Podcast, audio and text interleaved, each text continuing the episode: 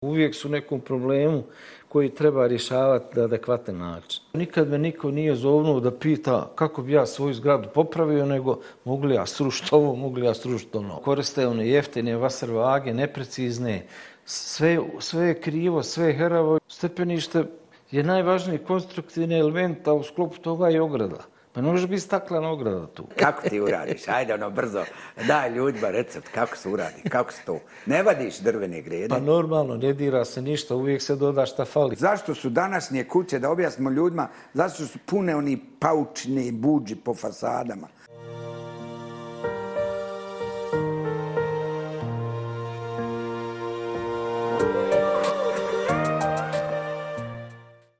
Ovo je opet još jedan podcast o prostoru sa Zecom i Vukom, ali i sa Vajlantom. Danas nam je gost Isak Medić, a on Vajlant odlično poznaje, to su naši stari prijatelji i dosta smo toga i za njih uradili. A Medić je moj, moj anestezijolog. Isak Medić je, inače inženjer statičar, moj dugogodišnji prijatelj, ali ja volim njega predstaviti kao anestezijologa, jel? On ono uspava pacijenta, smiri, a onda ja operšim i hirurgiju vršim. I uvijek je tu od pomoći, ko što je bio i za ovaj podcast koji smo trebali imati nešto drugog. Jednog gosta nije spriječen je bolešću i on je ušao ko što i uvijek ulazi u ove slučajeve našeg u životu. Izak Medić je inače iz porijeklom iz bosanske krupe. Jeste, koju on voli, naše bosanske krupe. I pođe mi ono bosanska krupa poznata. Pa uglavnom po rijeci Uni, po lijepoj prirodi. Ali ima i, i ono što je ljudima. Valerijan rekao, u 30 metara, ja. tri su bogovolje. To, to, je, to je jedan fenomen koji je stvarno u 100 metara postoji katolička crkva, pravoslavna crkva i džamija. I ona se vide na jednoj najobičnoj fotografiji s bilo koje strane. Ja sam recimo tu odrastao. A šta ti, onda... kako se nisi, morao, nisi se mogao kupati u Uni? Šta je, kako je majka provjeravala? Morao se... Ja,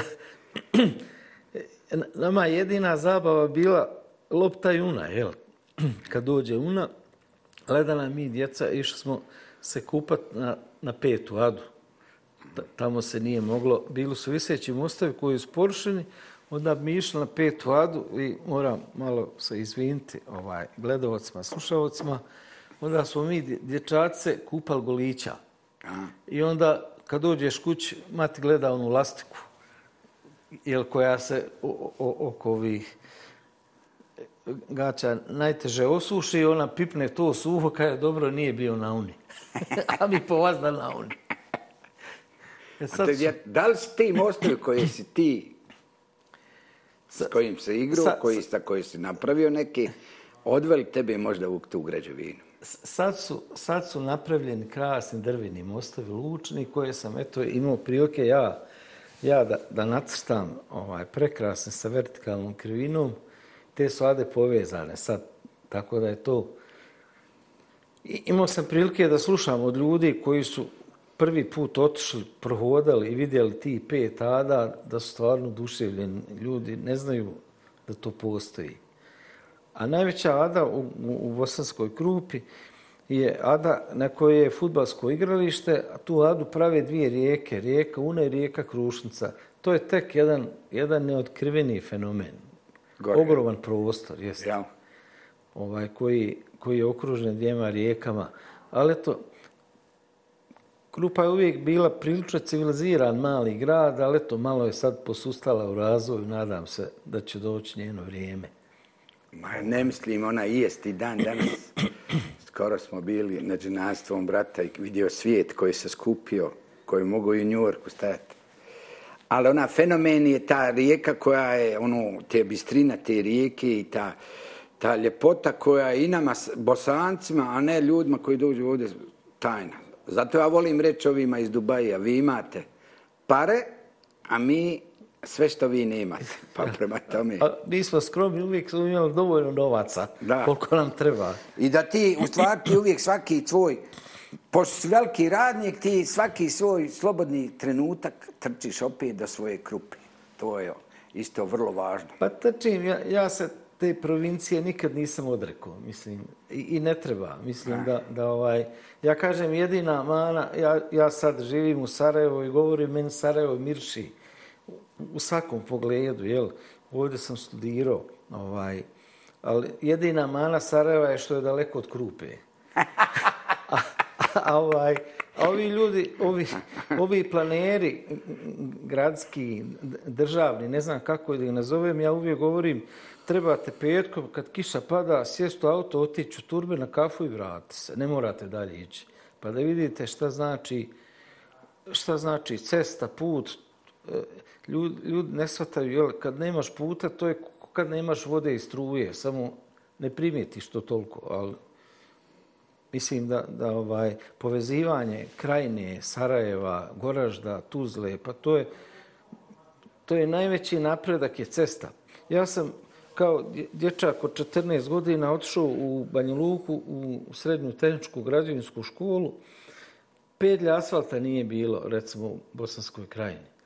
Pa mi smo uvijek normalno koristili voz kao prevoz, a nekad se zadesi da ideš autobusom, pa to nikad stići. Mislim, hoću da kažem šta znači taj put, ta komunikacija, da ti recimo možeš iz Sarajeva do Bihaća doći za tri sata, koji bi to bio napredak za sviju, Tako. za zajednicu, za društvo. Mislim da, da ovaj, i, tamo se stvarno ima šta vidjeti. Nije, nije to, ja, ja sam lokal patriot, ali davno sam ja to prevazišao. Treba cijelu državu nekako, cijelu zajednicu dizati jednako. Pa da preplest. Da, ovaj, preplest. Tako, jer ja, ja bih želio da, da svi ljudi iz Krupe, iz Bihaća vole Sarajevo kao ja, kao glavni grad, da, da vole tu da dođu, ali ljudima je teško doći. Ranije dođu, obiju im auto, ukradu radiju, skinu gume i tako dalje. To, to sve ljude malo odbijalo, da kažem, I svi kažu, joj, daleko, ko će one krivine like savladati, kako ti to možeš? Pa meni je svejedno. Ja nikad nisam to putovanje smatru izgubljenim vremenom. Uvijek sam promišljao o nekom problemu koji trebam da riješim, kako ću nekakve grede, neke ploče, kako ću nešto. Mislim, nikad mi nije to vrijeme bilo izgubljeno. Uvijek sam to koristio, jer, mislim, uz, uz dobar rock and roll koji slušaš u autu, čovjek postane pametan, mislim, pametan. Ne, nešto uvijek se nečeg sjetiš.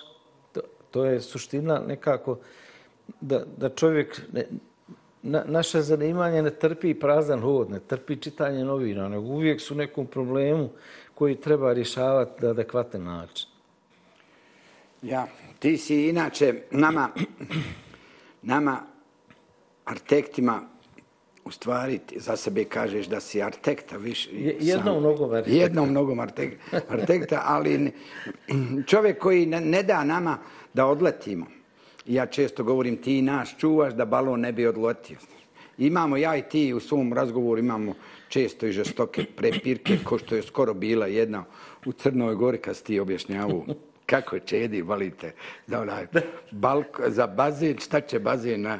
sad,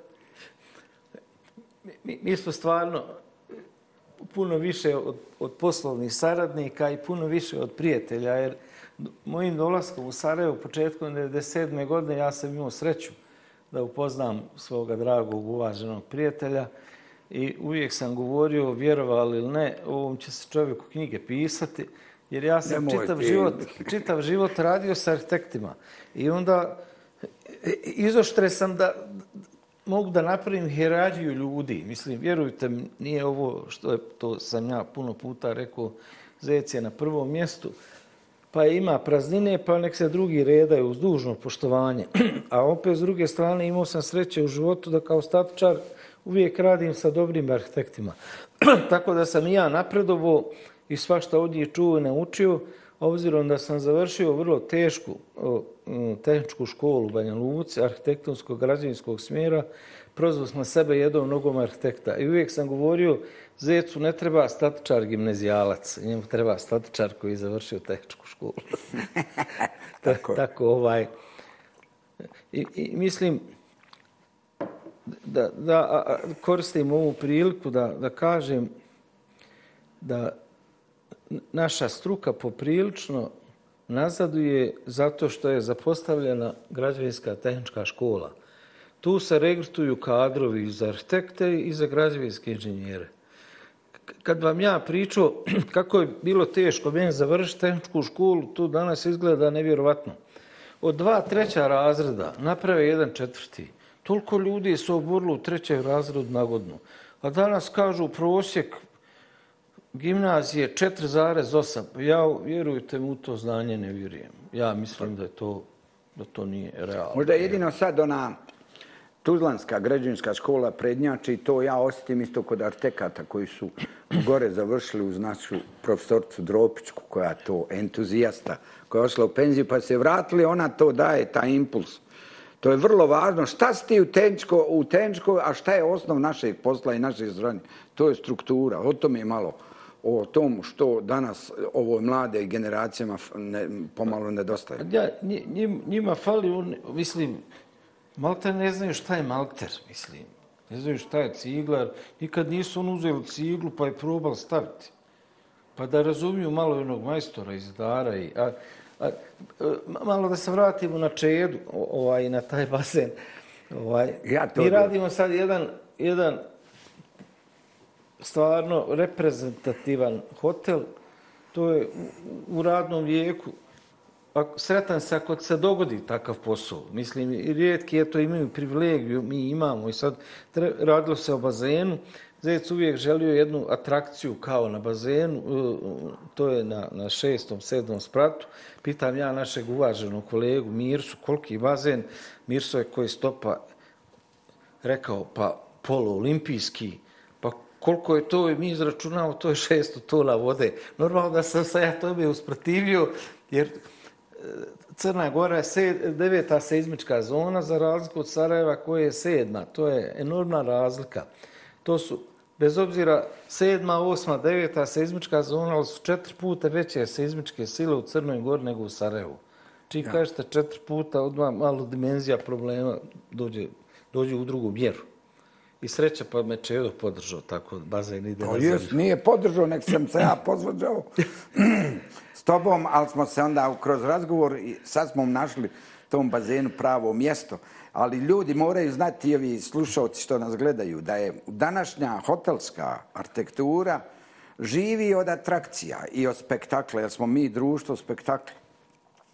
I ta isti, ta isti vla, e, vlasnik, ko što je sličan je našim isto zajedničkom jednom prijatelju, ko što je Hollywood Saljok, oni su ti koji pravi brže od vremena. Oni uspijevaju, ko što sa njim smo uspjeli napraviti hotel 26.000 kvadrata za 10 mjeseci. I mi, to je naša borba sa vremenom. To je ono što ti, o tome ti si svjedok naše borbe. Ja? Pa, pa, pa jeste, jer ti, jer ti naši prijatelji, kako ih Zec sad nazvao, oni u jednoj ruci drže pare, u drugoj kanđiju.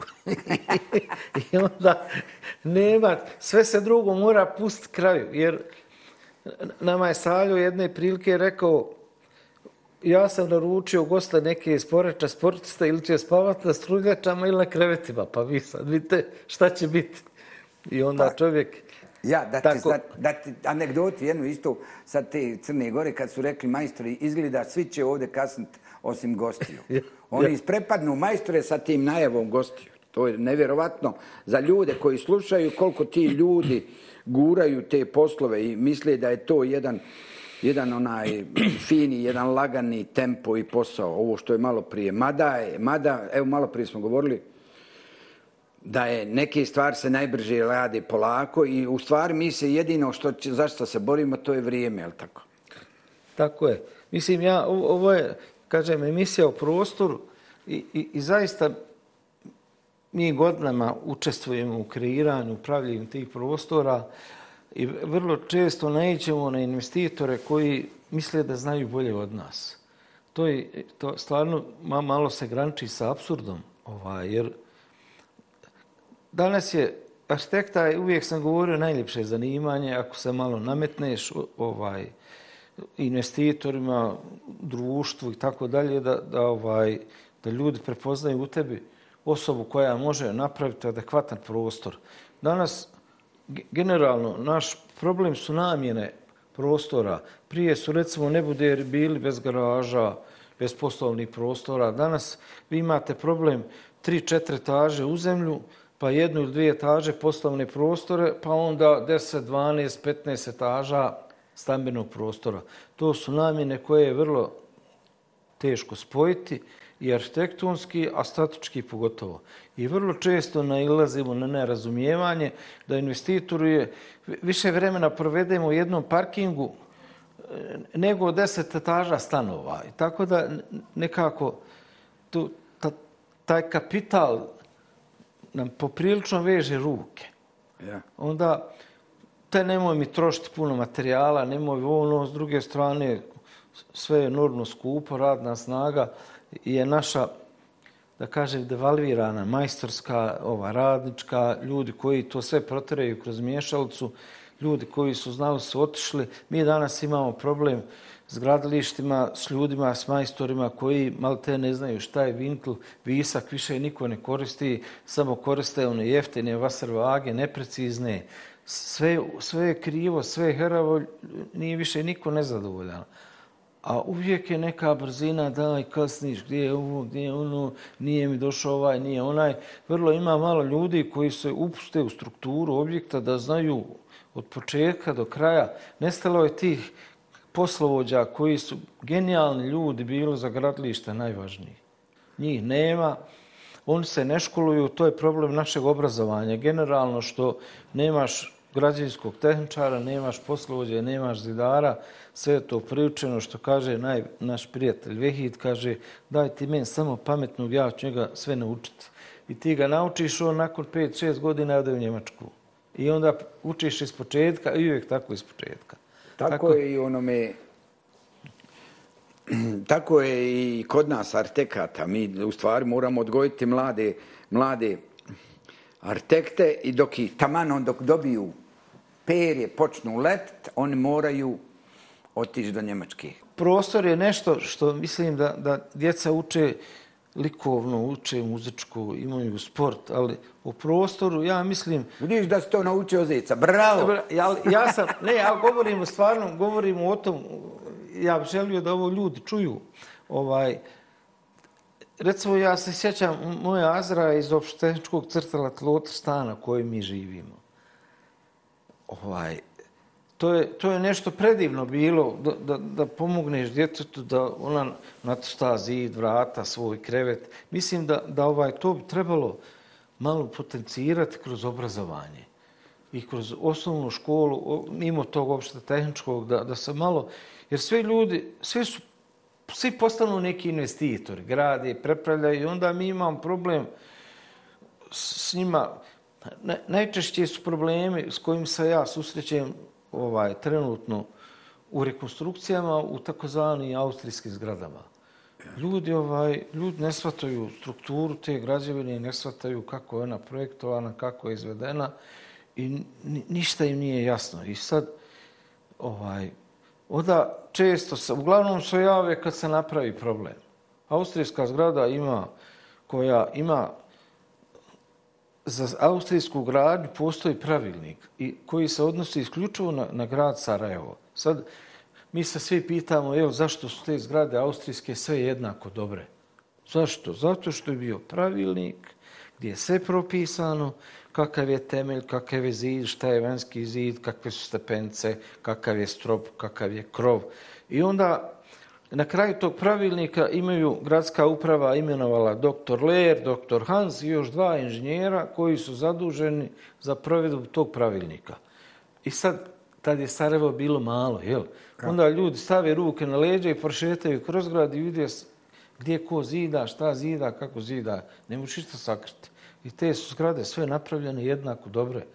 Zgrade koje su udržavane su u izvanrednom stanju, Ali... S tim da su poslovni prostori skrnavljeni stalno, njima je uvijek nešto oduzmano.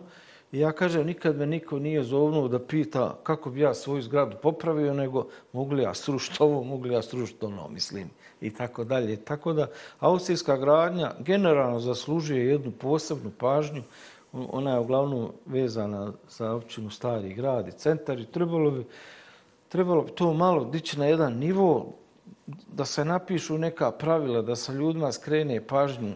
Ne mogu se tu praviti velike sale, velike dvorane, jer u austrijskoj zgradi zid ide iznad zida. Ne možeš ti vad pregradni zid. ja. U, ubi nekog dole, sruši nekog, e, krive se podovi, ne mogu se vrata zatarati. Ja se toga nagledao i uvijek me je žao ljudi koji se kasno javi. Ima načina da se sve riješi, ali treba na vrijeme, ali ljudi nekako to pocenjuju, dovedu majstora, najviše nešto srušiti. Pošto je najviše iskopat nešto, mislim. Ali ti se i u, to, u tom slučaju susrećeš sa birokratijom i ovdje u ovim podcastima najavljivo kako je tebi neka službenica ministarstva vratila projekat je ti napisao rukom, mjesto da je uvjerena da to tačno ti napisao, ni prepisao. Pa, do... I da bi trebalo, ko što znamo da u stvari beton, unijeti beton ili tako neke te potrebne konstrukcije da bi se zašla ta austrijska gradnja. Vidite, mi, beton je postao nezamjenjiv u, u, u rekonstrukcijama, u popravkama. Ne možemo mi drvenu stropnu konstrukciju koja je gnjigla više napraviti od drveta. Ja sam slušao te zaštitare kad oni ovako kažu mudro, moramo se vrati u vrijeme gradnje. Pa dete vi zamijenite drvenu gredu sad? Čovjek živi dole, čovjek živi gore. Mislim, i ti sad između dva stamina prostora trebaš da umetneš neku novu drvenu gredu. Koji je tvoj recept? Kako smo skoro uradili? Ja kako ti uradiš? Ajde, ono, brzo. Daj ljudima recept. Kako se uradi? Kako se to? Ne vadiš drvene grede? Pa normalno, ne dira se ništa. Uvijek se doda šta fali. Ali, u, u, uglavnom, ljudi moraju čuti znati gdje su sanitarije, gdje su kuhinje, gdje su kupaone, gdje su toaleti. To je sve gnjilo. To je svoj gnjilo da te strah proći tuda, mislim. To je bile olovnoj cijevi, nije se to održavalo. I to je, uvijek ima načina, najlakše je to riješiti ako je korisnik iste, jednog objekta, jedan korisnik. Evo, nedavno smo mi imali kod gospođe Iskre u Čekaluši jednu zgradu, gdje je, kuća je to malo veća, gdje je jedan jedan vlasnik, porodična kuća i onda tu može čovjek da stvarno napravi genijalnu stvar, da dadne toj kući novi novu život. konstrukciju, novi život naredni sto godina, mislim. A kad su, kad su ovaj kad su zgrade kolektivnog stanovanja, tu je problem. Onda izmislili smo i neke detalje, oko sprezanja drveta, drveta i betona, lagano i to. Evo ovdje pred kamerama se zamoliti da napraviš knjigu kako toga iskustva. Mi smo to trebali zabilješiti, imamo malo slik, ali trebao bi i ja tebe i mog prijatelja Mirsa Đirevića, saradnika, zovem prijesjedništvo za reviziju, jel, koji bi, ovo što smo malo prije govorili, tvoj, to tvoje ogromno iskustvo, ne znam kako ovi zavodi, kao i, evo sada, ministarstvo za prostorno, za federalno ministarstvo ne koristi tako znanje u adaptacijama i intervencijama u ovome, u, u, u ovome gradu, nego nas angažuju investitor ili neki arhitektonski biro. Veoma malo se angažovan, ja mislim, od države, je li tako? Pa, Skoro pa nikako. Mi, mi i ti ja radimo u privatnom sektoru, mislim, jer Pa znam, ali naše iskustvo je ogromno i šteta je da pa, curi pored nas. Šteta je, mi, mi smo ko otvorena knjiga, ali vrlo, vrlo rado pružamo pomoć. Uglavnom, mlađe se kolege obraćaju za stručnu pomoć, pa i to nešto, mislim. Ja. Ali, ali da kažem, institucijalno, općina Stari grad bi morala zauzeti neki malo čušći stav da to sačuva. Tako. Jer ja sam nekoliko puta bio eh, na televiziji, N1 kad god bio je potres u Hrvatskoj, bio u Turskoj i tako dalje, uvijek su ljudi zvali malo da, da, da se priča o tome šta su problemi tih rušenja. I onda kaže, ne daj Bože, neki ozbiljni potres da dođe u Sarajevo. Mene pita ova gospođa sa N1 šta bi bilo kad bi bio potres takav u Sarajevu? Ja sam rekao, isto ili još gore, mislim, ne, nema tu razlike i, Zagreb, Petrinja, tamo to su sve stare zgrade, austrijske zgrade, cigla. Objasni gledalcima, zato što je... Cigla je, jel, to je bio takozvani glinini malter, nije bilo kreča kod danas da imate fabriku kreča, nego miješala se glina i pjesak, to je bio malter koji je izgubio vezivo, a potres je jedan stohastički proces To je kao, kao da neko stoji na tepihu pa ga vi ljuljate, vozate ga lijevo, desno, potres proizvodi strašne inercijalne horizontalne sile i sad austrijska zgrada nije, nijedna, nije za to pripremljena. Ona ima drvene stropove koji nisu kruti, ali hajde, što austrijske zgrade nemaju, nego mi imamo s investitorima koji prave ozbiljnu e, građevnu stambeno poslovnu sa garažom i kaže ja hoću to da izdam konzumu, pa maltene on bi da to lebdi prostor, mislim. Uvijek se pocijenjuju te gornje etaže odnosno na tog nekog trgovca, mislim, koji, koji te, te, taj, taj, ti dućani, te trgovine, to je propaslo živote u Turskoj. Jel? Na direcima stoje, stoje, da kažem, deset etaža stabilne stubove da bi mogle neke police da budu i nekakve, mislim, konzumenti neki. Zid je osnovni konstruktivni element i najstarije objekte sačuvali zidovi. Da. Zid je ključ, ključ ozbiljne priče. S druge strane, mi imamo stroge seizmičke propise koji su odlični. Ali nam investitori, prvo borimo se sa arhitektima da ih primjenimo, onda dođe investitor, kada ne mogu. Ja sam dogovorio s konzumom, s Amkom, s ovim, s onim, ja ću njemu da izdam, ja ću njemu da prodam. I onda ljudi vide tu neke pare, a ne vide gore one ljude koji dižu kredite sa velikim kamatama, 20 godina otplaćuju stanove. Ja kažem, ja tim ljudima gore projektujem, ne projektujem trgovcu. I Bravo. mislim, na to sam ponosan. Uvijek im to govorim otvoreno. Vi ste posrednici u, u gradnju, u prodaji. Meni su bitno oni ljudi gore, barem će im valjati beton i armatura. A ti uvijek djeluješ koji mi djelujemo, a i ti naročito, kao jedna urgentna, poznat da uhodaš sa tim tim svojim košuljama kariranim ko jedan naučnik iz National Geography i onda uvijek dođeš na, na gradilište i smiriš situaciju time što čovjeka razoružaš ovim svojim znanjem i, i jednom brigom vidi ko čovjek, čovjek kod tebe brigu i vidi ono što je, što je ono što sam malo prije govoreći, mi prvo moramo sebe ubijediti pa da bi ubijedili drugi.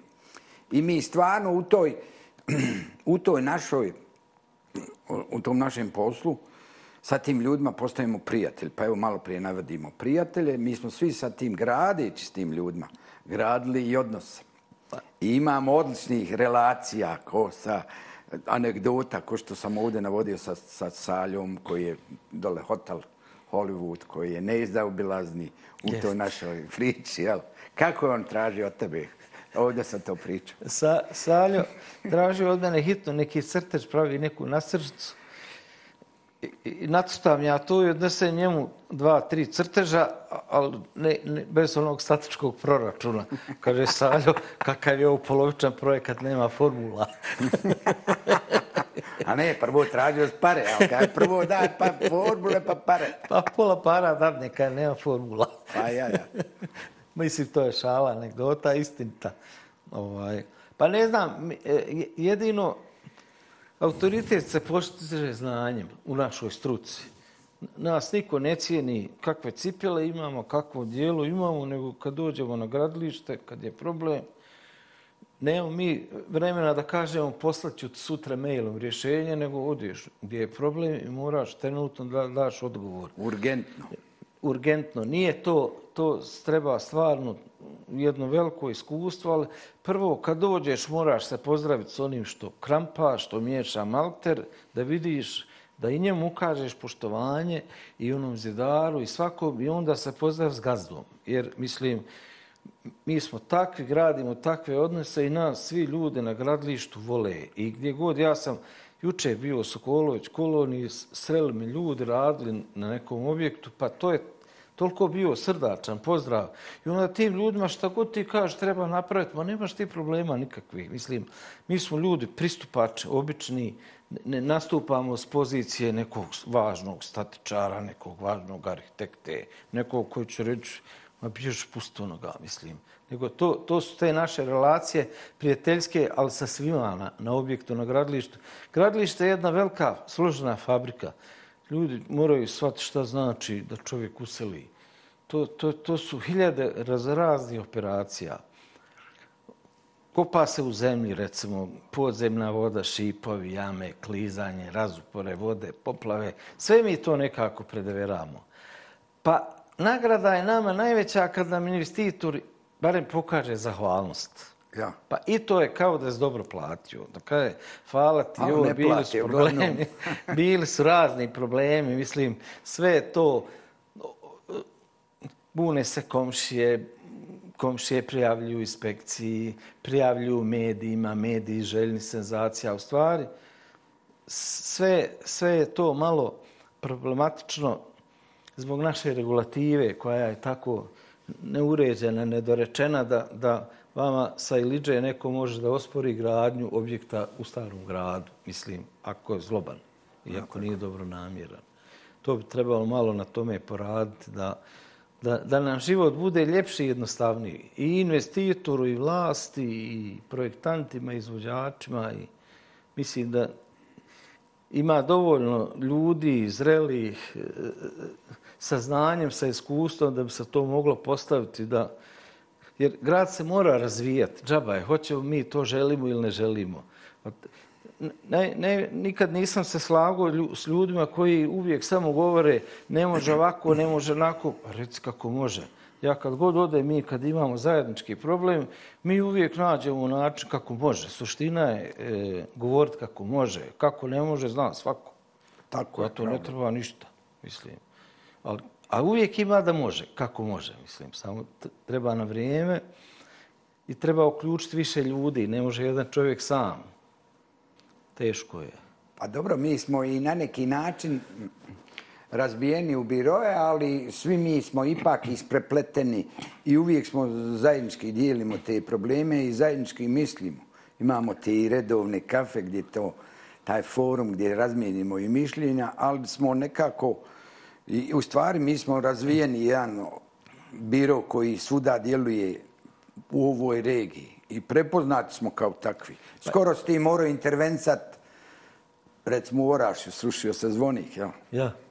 To je bilo Pa- vjetar koji nije bio Pa, primjeren. mislim, mi imamo mi naša pravila, međutim, u Orašju se dogodio vjetar, gdje je, recimo, vjetar po, po tim iskustvima, normima i po zapisima, recimo, bio, da to lakše kažem, 40 km na sat, a dogodio se vjetar 136 km na sat. To je, to je enormna brzina i, i, i na ovom kulturno-istorijskom spomeniku Tolsa kod Orašja srušio dva zvonika od Fikari jednu stavnu smake u krov od dva zvonika koji su dole pali, sva sreća nisu nikog ubili.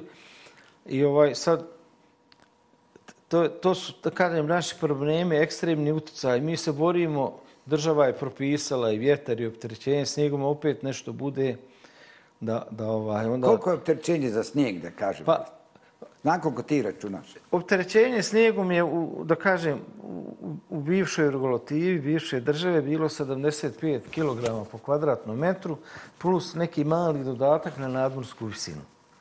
I mi smo uvijek imali problem, recimo, ja, ja sam za vrijeme rata bio u Zagrebu, ovaj, prije rata sam živio u Banja Luci, u Zagrebu se dogodio jedan snijeg, snijeg veliki u okolini Križevaca i poršio je što šta. Onda su, već su tad u Hrvatskoj u Zagrebu bili, država je odredila revidente, a kao eminentne stručnjake za statiku, kao revidente. I onda su se sastali revidenti i rekli, od sutra svako mora uzeti opterećenje snijegom 150 kila.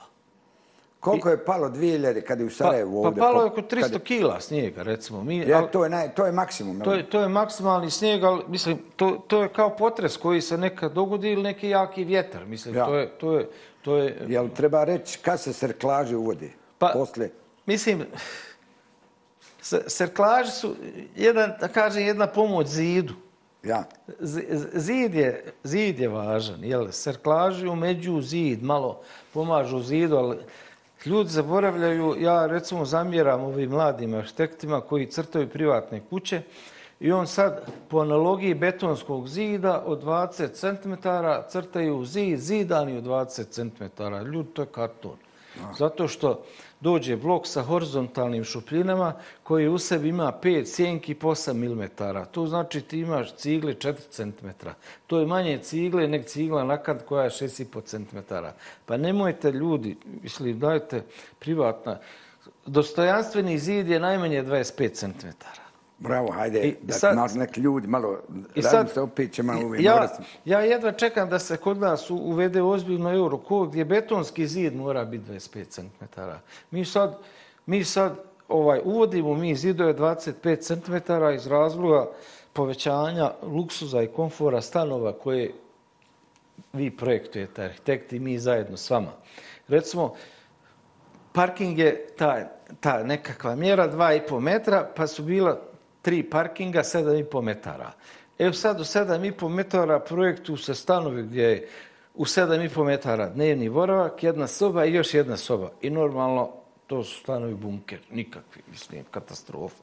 E sad u 7,5 metara ovi, ove gazde, oni voze malo veće džipove pa ne mogu stati tri auta, a onda ajmo sad na 8 metara. Pa je malo bolji stan, sad je to došlo na 8,5 metara tri džipa stanu 8,5 metara, sad su ploče 22 cm, sad su zidovi 25 cm. Ni to nije dovoljno, baš jer se ploče progrinju od 8 ja, cm i to vuče za sobom druge probleme, ali uglavnom kako se povećava malo komfor i luksus tih stanova, tako i mi moramo malo većavati dimenzije. I trošiti armaturu. Volio bi, imamo ja i ti jednu kuću koju smo e, nekako to smo počinali kad smo je zidali na jednom starom metodom, ciglom od 38.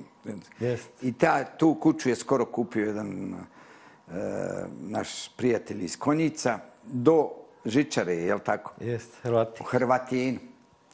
I bilo je vruće, mi smo ulazili, nije se moglo izdržati tog ljeta u Sarajevu prije dvije godine ušli smo u tu kuću, to je apsolutni hlad, pa, ne treba ti klima. Ja, ja uvijek sam govorio svojim prijateljima, arhitektima, ja hoću kuću da živim u kući privatno, jel koje ne treba klima.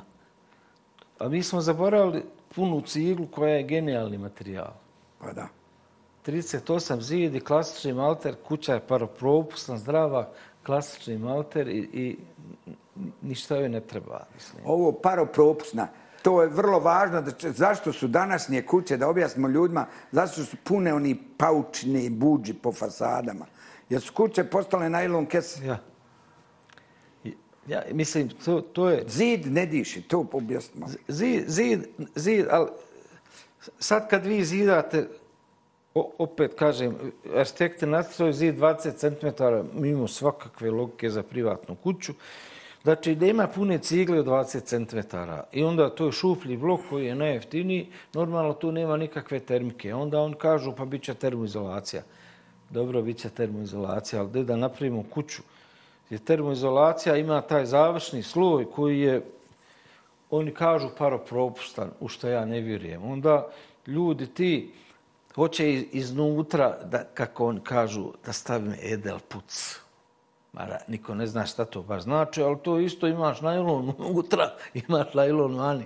I ti stvarno živiš, živiš hermetički zatvoren. I onda se stavi plastična stolarija još koja, koja predobro dihtuje i, i ti sad čim to je neka... To je čak se razvila, za gledalce, razvila se industrija gdje pravi sad čepove u zidovima gdje ti kao u tim takvim prostorom pravi, otvoriš kao čep da zraka uđe. Ima i toga sada na tržištu se pojavilo, da, ali nekadašnje kuće, ko što je ta u Hrvatinu, su imale tu svoju i mas, masu. Ti uđeš u kuću i osjetiš masu, jel tako? Pa i, ima našeg prijatelja Mušetova kuća na vratniku isto zida na punom ciglu. Pa da. Onda se nama, ljudi, ljudi se nama čude, kaže, ali te ne vidu ni budala, čime zidaju kuću. Treba, treba privoliti investitora, izvođača da zida punom ciglu. Jedan se nadzorni meni baš na vratinu žalio kako zidam otpadom. Ta dota, taj nadzorni nije vidio ob, običnu ciglu, mislio od blok i on je mislio da mi on od onih blokove režimo, eto koliko imao znanje o tome ta se desila. Pa, mi, mislim, treba, to je tradicionalna gradnja koja je sigurno najbolja. Ja. Najbolja, mislim, nije problem. Nije nama problem napraviti kuću da ima i drvene tavance i danas. Zašto je cigla i opeka dobra? Jel ka stari ljudi opeku ugriješ pa staviš na stomak? Pa to je prirodni materijal. Pa jeste, ali on ima isto veže te četiri elementa bitna. Voda, vazduh, zemlja i zrak. Da, danas, I, danas I vatra. Isto, isto što i hljeb. Ja, ja bi samo, Et. pošto ovo zagledao se emisija, da kažem da statički zid, znači u kući, ne smije imati horizontalnu šupljinu. Šupljina može biti vertikalna. Ljudi, propisano je 40% da smije biti šupljine, 60% mora biti cigle i stijenke moraju biti vertikalne. Ne kupujte blok sa horizontalnom šupljinom. To je, mislim, to je, to je zlo. To, to treba zabraniti da se proizvodi. Poslije ove emisije izvoćite crni. Jer ovaj, to, to je izmišljeno kao pregradni blok, on je jeftin, ljudi kupuju. A zašto po tebi ono, šta je ono bilo mana, ono odlučno sve mana, montažni kuća? Pa ja, mi... montažne kuće su dotjerane do savršenstva i sad mi u šali govorim ja kako je mana, i ta kuća ima manu, ona je dotjerana do perfekcije, stvarno, i zvučno, izolacijono. Prvi put sam vidio u montažnoj kući da ima folija protiv vjetra. Ovaj. Ali sam rekao, te kuće imaju jednu veliku manu. Pita je što, pa rekao, čim ti je montiraju, moraš da je platiš. Jer mi pravimo kuću 10 godina, 15, kako ko. Pa to ja. samo, te su kuće sigurno dobre, mislim, ali zbilja, napraviš temelje, dođu ljudi, postave to, živiš ugodno, sve, sve je u tim kućama riješeno, jer te se kuće izvoze i ona se, ona se grade po standardima Ja mislim da mi imamo vel, dobru industriju za to. Imamo savršeno. To, I da malo ovoga ne prepadnemo ove naše gledalce, ima i naši graditelji sad ove beton i ovo što ti pravimo stambene zgrade, one su betonske škatle, one su jako otporne za ti zemljotris. I recimo firma Duljević koja laserom ugradi sve kako treba, ipak postoje ti odgovorni izvođači koji to dovedu do, do, ono, do, do onoga kako treba. Pa ima, naravno da ima, mislim, ljudi reže na beton, ali beton uopšte nije nezdrav materijal, to koliko se to predstavlja u javnosti. Beton je, mislim, cement se pravi od cigle, to je prirodni materijal, kamen, voda, to je pitka voda, znači nema tu ništa problematično. Ali današnja arhitektura je takva da je nemoguće bez betona. A vjerujte mi, beton je najbolji prijatelj, zato što je on jeftiniji od zida. Vi beton kad napravite dobar lava, ravan, ogletujete zid, ne morate ga maltersati. Kad Ma i danas ima i brzina, ima istri, i danas a, ima tehnologija. Imaju dobre oplate, savršene oplate, samo što je problem kod nas, što radna snaga nije školovana kao nekad nego priučena. I onda iskrivše oni betoni. A. I ovaj, neuredno je to, ali svejedno opet statički gledajući, oni ugrade armaturu koja treba, to se dobro izvibrira, a ima stara izreka, malter moj, obrazu moj, pa će to pokriti malter sakriti neravnine. Pa ja. I ovaj, pa opet to bude dobro. Ali ovaj, jednostavno bez betona je više nemoguće. Kako je onaj bio vic za kad se srušilo na pri Sarajevu, kad je ulo ona prilaznica za olimpijadu, ja. pa je pala. Pa je ono, kako je bio sudija doveo na saslušanje tri faktora. Ja. Pa u betonu, kaže, riječnik, a ja sam čist, ja sam svoje obavio. Ja. Na, me, me, ti cement, ja sam brz, brzo vezujući, ja sam svoje obavio. A ti armaturo, kada ja tamo nisam ni bila.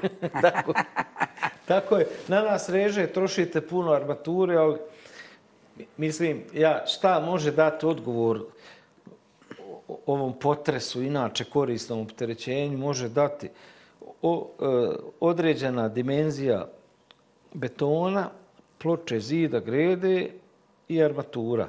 Mi sva sreća imamo propise gdje se kaže šta je najtanja ploča, šta je najtanji zid, koja je greda i tako. Najčešće su greške u gradnji tanke ploče. To je najveće zlo koje može da bude jer te ploče vibriraju, te su ploče nestabilne, nema zvučne izolacije. Ja, ja, ja puno puta govorim arhitektima, ljudi, shvatate vi da ploča ne smije biti tanja od 16 cm. Nije to zbog statike, nego zbog zvuka. 400 kila treba biti teška tavanca između dva različita korisnika. ti su problemi sa zidovima. Zid od 20 cm sam za sebe ne, ne, ne, ne da zadovoljava zvučnu izolaciju između dva korisnika. Znamo mi kako to treba napraviti. U zid treba staviti tvrdog trvola i obzir do 7 cm i maltersati i ne čuje se ništa. Međutim, kažu, prvo to mene košta da napravim drugo, oduše mi kvadrati. U stanu 80 kvadrata, ovdje kvadrat i po dva, po, po 5000, ovdje 10.000 da, da se napravi dobar kvalitetan stan. Kad bi mene neko stavio u tehnički prijem, hvala Bogu, ja neću time da se bavim.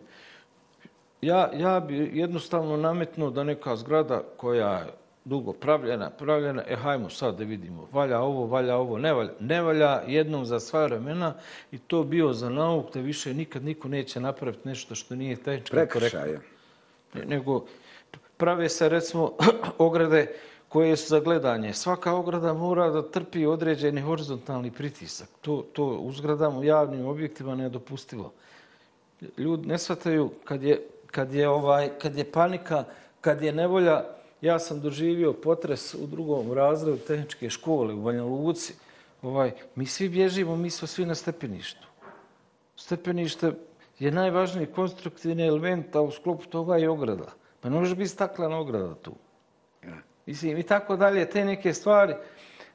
Prepustilo se previše to estetici, pa ne bez razloga, ali mi, mislim neke stvari ključne treba, treba dobro povesti računa. A ja i ti smo, ti u stvari si, ja volimo drvenu konstrukciju, tako. Pa volimo.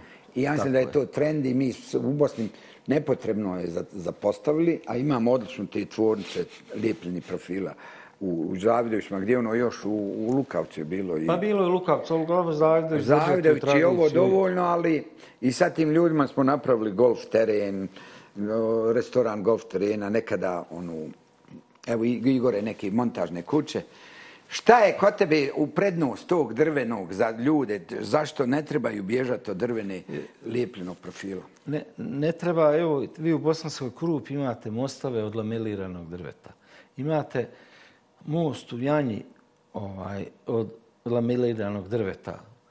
To je, to je prekrasno za vidjeti, svi to vole vidjeti. Evo sad, sad se radi jedan kusi most u otoci, to je otoka je Varošca kod, iz Krupe prema Novom, kosi most, dugačak je sto i nešto metara od drveta, preko kojeg će, mislim, može se preko tog drvenog mosta staviti asfalt da prođe vatrogasno vozilo.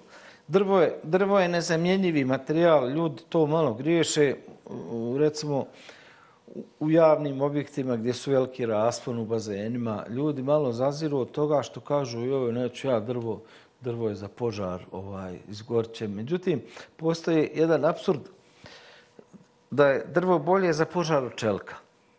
Za visoku temperaturu čelik postaje žvaka, a na visokoj temperaturi drvo praktično vatra prolazi pored drveta, čelik zagrije, čelik gubi stabilnost. Ja sam gledao rešetke koje u halama sačkaju dole pod.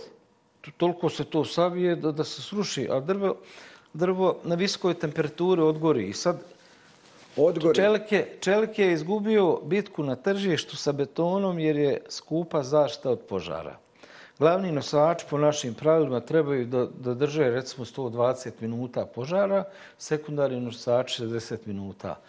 I, izmišljene su te neke protivpožarne boje u koje ja iskreno da kažem ne vjerujem. Da može držati 120 minuta, može to neko malo vrijeme da malo se skloniš, pobjegneš, ali kako se drvo štiti od požara? Nađeš statički presjek, dimenziju recimo 20 sa 40 i dodaš po 2 cm drveta okolo i ti se njega zaštiti od požara. Najjeftinije, najelegantnije. I, I riješiš problem požara. Tako je. I mislim, drvo, drvo treba koristiti. Mi, mi smo projektovali puno hala, recimo sa, sa betonskim stubovima, glavni nosači od lijepljenog drveta, sekundarni nosači od klasičnog drveta i nemate ljepši i jeftiniji krov. Meni je žao što u rekonstrukciji ovoga našeg Sarajevskog aerodroma nije iskorišteno drve, malo više drveta i nije napravljeno da te na ulazu u aerodrom dočeka čaršija. Gledam, neki dan sam bio na aerodromu jako jeftino. Rekonstruisani. Br- i- Iz njega već je, mogu reći, zastario sa svojim novim, novim izgledom.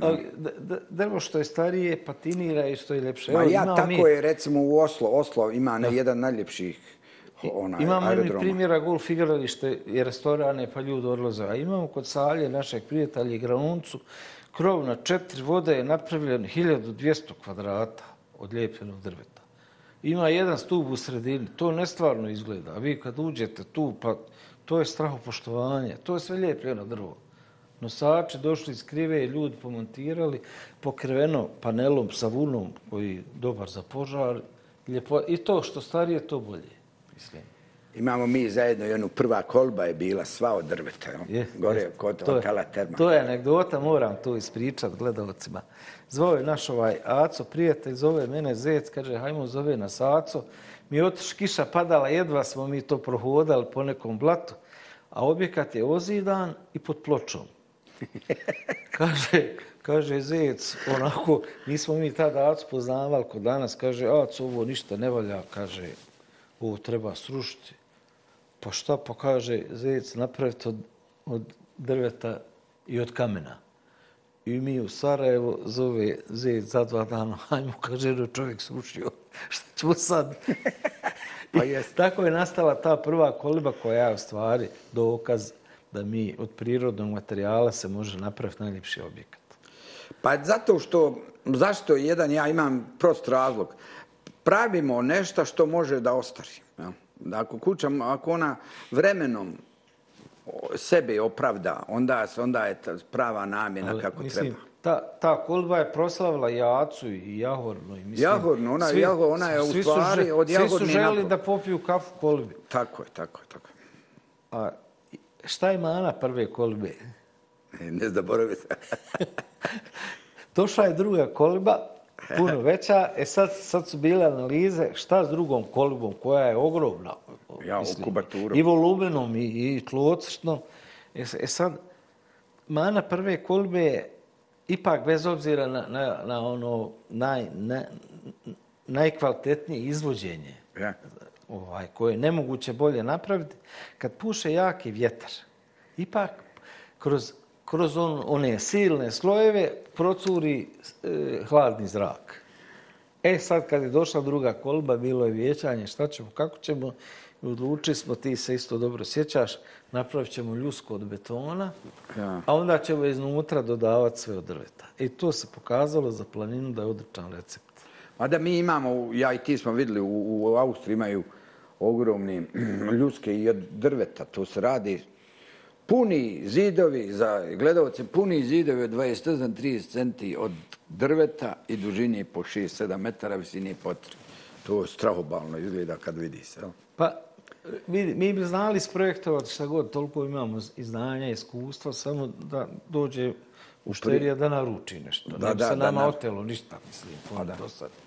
A naše planine i, i djelovanje po planinama traži upravo proziva za to. Jel? A proziva, ali teško je kad je to sve planine su postale kolektivno stanovanje. Ja, ja se sjećam, jedne prilike smo bili na, na Bjevašci kad si ti rekao, vidi ovo isto neum. Mislim, to, to su kolektivna stanovanja, zgrada, apartmane, ne, nema tu sad Pa do, ono, ona apartman, ono, ono smo mi gore kod Bjelasice, ja mislim da je u konceptualna prvo greška napravljena. Jer prvi saf, prvi red od najbolji pogled su privatna lica dobila i neki, a to je trebalo čuvati za, za hotela i za ono što, što nedostaje sada. Ti, ono. ti se sjećaš kakav je bio onaj prvi han, mislim, ono ko, ko seoska kuća, više liču na štalu, neku malo veću, pa trebalo je to sad u- pretvoriti u objekat, mislim, koji lijepo izgleda, koji je funkcionalan i uvijek nas če- često ljudi zovnu kad prije nas neko zabrlja. Dakle. Ja se sjećam ova, da, da si ti rekao jednom investitoru, ne izda ga imenujem, kasno sam zvao, jer nema popravke, nemoguće. Ali imamo jedno, kad si rekao Bjelašci, imamo jedno predivno iskustvo, kad smo ciglom i, i dr, u stvari tim drvetom sa predivnim čovjek koji nije s nama muminom napravili džamiju koja je skoro sam bio, sliko je ponova obnovljena u Limu, ali je to stvarno biser drvene arhitekture, seoske arhitekture na Bjelašnici. A da, te, tesarska izvedba. Ja, Savršeno. kad je Mumin, ali kad smo napravili relaciju nekadašnju, kad si arhitekta, statičar i majstor zajedno mislili i radili. Pa, To je najljepše. ali mi tako radimo. Mislim, za, zato, zato nas ljudi vole, poštuju gdje god dođemo, imamo srdačne susrete. I zato i objekti budu dobri. Zato što se svi ljudi onda trude. Pa, ukorporirana je pozitivna energija. To je vrlo važno. To, to treba. Ali opet, Zec, zahvaljujući tvojim idejama, to sve dobro, tako meni ide, ima, mislim, imaš ja. i ti, ja moram Pa dobro. napomenuti, e, ti si isto vrhunska energija, jer i ti si ne samo statičar, nego i Feridat Fe, tvoja isto je, kažu da si ti od nje prepisivo kad je studirala. A imate predivno dvoje djece, tvoja Azra je pijan, profesor pijan na muzičkoj, je li tako? Pijanistkinja, sin Senad je najbolji student građevine, sad profesor na betonu. Dakle, vi ste svi u nekoj izvedbi, rekao bih. Pa dobro, djeca uglavnom vide od roditelja. Vi- Vidiš ti taj enormni trud da bi nešto postigao. Da, da ovaj, ja ispričat ću jednu anegdotu. Ovaj, Azra je kad je završila osnovnu školu i završila je nižu muzičku, onda je, ona je htjela da ide u gimnaziju i muzičku. I- I onda smo mi rekli, djete, pošto mi vidimo da se djeca pate sa dvije škole, odaber sebi jednu školu, koju god hoćeš. I hvala Bože, ona odabrala muzičku, ona je to volila i mislim, školovala se, školovala, eto sad je tu, ovaj, i lijepo živi, radila je u Frajburgu i vratila se i rekla je ništa se nisam pokajala i što je super, mislim. Se. A Senad je, on je nekako volio je uvijek, volio je puno čitati. I onda kroz to čitanje svašta, mi kad nešto ne znaš, pitaš se nada, on sve zna. Sad on je bio, bio je dobar đak, završio je u Zagrebu prvi i drugi razred, gimnaziju u sedmoj, eh, gimnaziju u Križančevoj ulici, onda ovdje je treći i četvrti i bio je ovdje ovaj Ranko, koji je vodio taj debatni klub u njihovoj gimnaziji i onda oni su uvijek išli na ta takmičenja za i protiv, za eutanaziju, protiv eutanazije i sad oni gdje god odu, ta ekipa prvo mjesto, pa pitanja na engleskom, odgovor na engleskom, pa prvo mjesto, onda sam sa ja prepo, Bože, otiće u tu neku stranu studirati to, pa neće se moći s njim smagati. I pustiš ga i onda on sedam dana pred upis, ne smiješ ga više pitati, jel, šta bi ti? Onda on kaže, ja bi upisao građevinu. Joj, mi smo stvarno bili sretni ko roditelji, jer on je završio gimnaziju, doće nacrtna, doće statika, doće viskogradnja, a ja znam, on hoće da bude dobar, neće on sad, Ja, ja. hoće da dobiva desetke.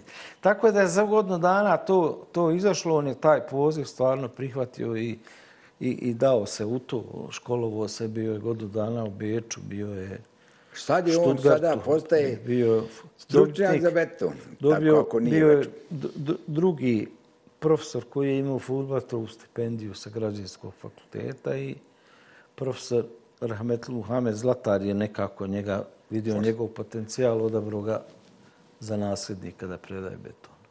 Tako je I tako sad. svi smo sretni. Sad on, ja malo doradi ono što treba. Pa, I dio mi koristimo njegovo teoretsko znanje kad nam zagusti. On, on još uvijek zna jednačno dobro.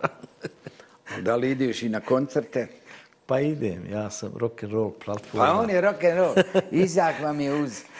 Kad se vozi, pusti svoj drugi način, jel tako? Da, Ti si i drugi dalje- način, Alman Brothers Band, to, to je nešto što... Ali naj, tebe isto krasi, ko što je uvijek ta jedna velika radnost. Ni, ti se odmaraš uz tvoju rajšnu i crteže, jel tako? Ti si analogan, jedan, pa i dalje jesam, analogan. ja, ja sam, ako ono, jedan kroz jedan, nisam, nisam, u biti smo mi radholci i ti i ja. Dobro, dobro, ali i, i nesebičan si iz tebe dao, ra- rasio si ti dosta mladih statičara koji Pa jeste, crpe. mislim, ja, mi, mi smo bili ozbiljan biro stvarno reprezentativan. Mogli smo ići na svjetsko prvenstvo i ljudi koji su tu dolazili s fakulteta, Senad je nekako uvijek govorio ko je, ko je dobar u generaciji, on je dolazio, jedna ova kolekcija Ida, ona je došla u biro da radi, ja je nisam ni vidio. Kaže, Senad ima jedna pametna, fina djevojka iz Breze, a Ida prvo reći nek dođe. A Ida došla, zaposlila se, nije eto, tako divna osoba, mislim, stvarno. I da, to je bio rasadnik statičara, jer mi smo, mi smo radili ozbiljne objekte, preozbiljne, mislim, nestvarne građevne smo mi, ti sam znaš šta smo tako. sve izveli, proveli. I onda ljudi tu budu, pa nakon deset godina se odvaže i kažu, evo ja bi sad da imam svoju firmu, isto u ostalom kod tebe, jel? Ja i iz tvog biroa, iz mog je nastalo deset firmi. I svaka čast. Mi smo na to ponosni. Pa dobro, Mi to nismo naša, naše znanje To nikad. su naši prijatelji ja, to su naši i oni prijatelji. ono dalje, dalje širi I sad, tu ideju. ako imamo veći posao, mi smo opet jedna firma. Pa Mislim, tako, to je, tako. to je, ono što ovaj, nama nedostaje, nedostaje ko našim profesorima. Ja kažem, naši profesor su imali jednog dobrog investitora kojeg mi nemamo, državu. Jeste, a, a mi za državu nikad ništa nismo crtali. Ne, e, to, to je isto ovako, malo je čudno da, da ljudi tvog iskustva nisu, ne prepoznaju ovi ljudi koji, ali u stvari to je sve zbog neznanja, ne, ne, ne, ne, ne postoji. Vidi, trebalo bi malo posvet pažnju, znaš kako mi kažemo, povjerenje je dobro, kontrola još bolja, jel? Trebalo bi neke stvari, To je rekao Stalin. ali- da, ma, malo, malo kroz, kroz revizije, kod, kod, kroz kontrole, malo, malo upravljati to, ali znate, naj, najveći je problem u stvari investitor koji zapne, zapne, daj mi male stanove, onda u pola, pola građevine kaže ne idu mali, traže velike, de prepravljaj, de prepakuj i tako dalje. Mi smo, mi smo uvijek radimo jednu, jedan projekat po pet puta. Mislim, Da, da, i da, onda i- često to Uglavnom se izborimo mi s tim. A ovo ali isto od gledalca moram reći, mi smo, ja i ti imamo zajedničkog dosta urađeno i znamo da od stanova koje smo projektovali, koje moramo isprojektovati, uglavnom v- 60-70% se bude prepravi. Sve. Jel tako? Jest. Dođu svastike, dođu tetke, dođu snahe, dođu i... Dobro, ali dobro, to je onda, ali to je, na- naš zakon ne dozvoljava skoro pa bi dobro bilo da mi završimo svana i row bau iznutra, a onda da svak po svom radi A unutra. da, onda ne bi to nikad bilo gotovo. To je taj problem. Ja. To je, mislim, ne, ne možeš ti sad kad dođe onaj da radi glazure, on, ti ljudi koji nakladno nešto rade, to traje godinama, onda se to stanarima zgadi. Ti kad nešto štemaš, tu čitava sve je od betona i sve ječi, sve zvoni, rekao, Pa sad mladi arhitekti uglavnom i živi od toga radeći, preprljajući stanove, je li tako? Pa jeste, ali on, oni uglavnom crtaju interijere i venale razne. Ovo. Ma je, ja, to obloge, to je tačno, ali, ali je tačno. Izrađuju na tom veliku lovu. To je, ba ja, i to je vrlo ovako za... Ljudi danas plate za prepravku stana što ne bi platili za projekat i e, kući. Eto, to ti tako. To je Mislim, to, to, to je nekako... Neka, nemam ja ništa protiv, ali mislim, treba ipak ci- cijeniti ono, jer kad tebi dođe investitor i ti uzmeš bijeli papir i crtaš, mislim, pa nije to baš. Onda on dođu nešto pa poslije mu- mudruju, jel?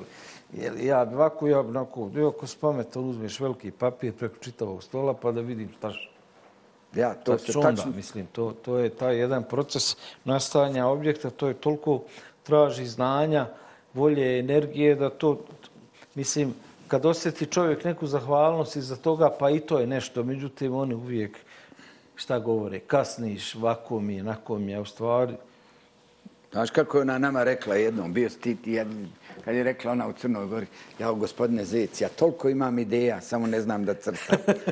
Rekao, da, ja ću biti tvoj printer. ja, ja ću biti ulovka. Pa je, mislim, ja, to, to je ljudi. Pa eto, pre, na, naš posao ipak, ja sam vidio usrećuje mnoge ljude, jel, mislim, generalno. Ama mi smo sretni, To- to, i, i ja ovaj- i ti smo sretni, dok imamo ljude oko sebe i dok pravimo. I tačno, kad se napravi objekat, isto ja to često poredim sa udajom čerke. Drago ti, udala se, dio tebe malo žali ode od tebe. Ali stvarno onda, što je Jandrić rekao, kuća je, e, ona je ona, kad tad se otme od onoga koje napravi. I ona ima i pravo, kuća je koji dijete. Ono nije tvoje, ono je svoje. I ono treba da živi svoj život. I mi često imamo taj onaj osjećaj da u stvari pravo naše zadovoljstvo dok smo pored Seje majstora, pored Zvonke, dobrog čovjeka iz Oraša koji zajedno sa njima, sa tim takvim ljudima mi pravimo. Kad, jel, za razliku od hirurga kome odozdo se dodaje, pa on završava mi dole, nadole moramo ja, oba, Obrnut proces. Pa ja, obrnut proces. Obrazovanja. I zato ti, zato je ovo što sam malo prije rekao, vrlo je do, važno znati se tu energiju, tu pozitivnu energiju proširiti po, po gradilištu. Pa, mislim, ja, mi moramo napraviti dobar odnos sa Tesarom, sa Bigerom. Jel? Tu ljudi, oni, oni u stvari oblikuju taj naš nacrtani prostor. Tesar. Iako Tesar nije... Ljudi, Tesar mora biti inteligentan isto koji je arhitekta i statičar. Biger mora biti inteligentan. Jer ako nije inteligentan, onu šumu, one armature, tu neće nikad složiti. Ima Bigera, mislim, koji ima brigadir ima 10 ljudi, on drži onaj plan armature pod rukom i samo govori daj onu poziciju, daj onu, daj onu, on je ko, ko, mislim, nestvarna je to inteligencija, rekao čovjek. Ali to, to je strašno jedno znanje, iskustvo i to ide brzo. On... Ja, to ti znaš koji si na gradilištu, to mnogi, mnogi mladi inženjeri ne znaju, ne vide, ali isto ni ljudi koji dođu kako. I ja mislim kad se na filmu, na kraju filma ko je sve učestvo po na dugi spisak, kad bi pravili tako na kraju ko je učestvo u gradnji kući, to trajalo duže od filma. pa i ja kad bi od onih pa ketriga, od onih keramčara, koliko je to jedan proces u kojem ljudi misli, svak se zna da je to, svak zna šta treba u građevini, a veoma malo zna koliko je to odgovorno i, i, i u stvari koliko to se ne zna o tome. Pa ne, ne, ne, ne zna se i zato s početka ove emisije smo govorili treba, treba obrazovati ljude, ali u, u mladosti da on to zavoli, da, da ne sad kasnije ljudi dođu investitori, mislim, najvažnije odluka investitora su dvije važne odluke. To je prvo ko ti je arhitekta, odnosno projektant, jer ako je arhitekta e, dobar, on zna ko je dobar statičar. Mislim, ne, ne treba investitor lutati sad ko će biti ovaj, ko će svi samo zovne arhitektu i gotovo. Kako ga arhitekto da bereš, a onda druga odluka je ko ti je izvođač. Jer izvođač je, mislim, prije su bile danas Danas se mi bojimo i bilo koga preporučiti kao izvođača. Jednostavno, kaže, ulaj, tvoj, ba nemam ja s njim ništa čovječe, mi želimo ono što smo nacrtali da se napravi. Mi napravimo projekat da nas ne treba zvati na gradilište. Za projekat smatram da napravimo savršen, ali izbor je arhitekte. Arhitekta je, ili ćete bogati, kako ja kažem, arhitekta je ko advokat, ili ćete upropasti ili ćete obogatiti, mislim. Loša arhitekta. Kako Cicko, naš čuveni filozof, kaže, dobar projekat odmori novčanik. Pa da, to, je, to je anegdota vezana za onu hladnjaču. Kaže, kad je prodao našem prijatelju Mustafi, kaže, odmorio se ga novčanik. Što nije rušio, nego renovirao. Pa ja, on je, on je, on je pun ti. Pa ja, ali to, a to i je tako, mislim. To i je tako. Naše znanje spašava spašava, mislim, i vrijeme i novac i, i tako da to, al, ne treba se, mi se nikad nismo bojali problema. Je, je, ja, što je veći brinimo, problem, a bio veći izazov. Mi brinimo kvalitetu, a vamo nas pritišće onaj, e, ti, ti govoriš investitor, ali bez njih ni, ni tog nema. Onaj njihov je kvantitet, znaš. Kako je rekao Brega, nemamo, nigdje nismo videli enciklopediju investitora. Ma ipak su i, ja. i oni bitni ljudi koji ovako hoće, ali u ovome današnje vrijeme spektakla tjera ljude da malo ono ubrzano mi, mi, mi često prepravljamo postojeće objekte. Tu treba tek najveći investorluk, najveće znanje i najveće iskustvo. Kako, kako od, od nečeg napravi dobar hotel? To kad uđeš u to prepadneš se. Pa eto, i, i, i s tim se izborimo. Napravi se to sve kako treba, ali treba to, to ne mogu neiskusni ljudi, jednostavno. To je, ovaj. prepun si i onaj iskustva, znanja, živa si biblioteka, korišćite do kraja, ali volio bi da malo ovaj društvo vidi potrebe mladi. Evo ova priča, ti si išao i mladima i na kursima gdje se god zvali, nesebično si davo i evo, nek malo ovo bude i zapisano kao jedan, jedan zapis o radu za našem zajedničkom. Hvala ti, Sak, ajde. Hvala tebi što smo pozvali misiju. Pozdrav svima što nas gledaju. Ajde.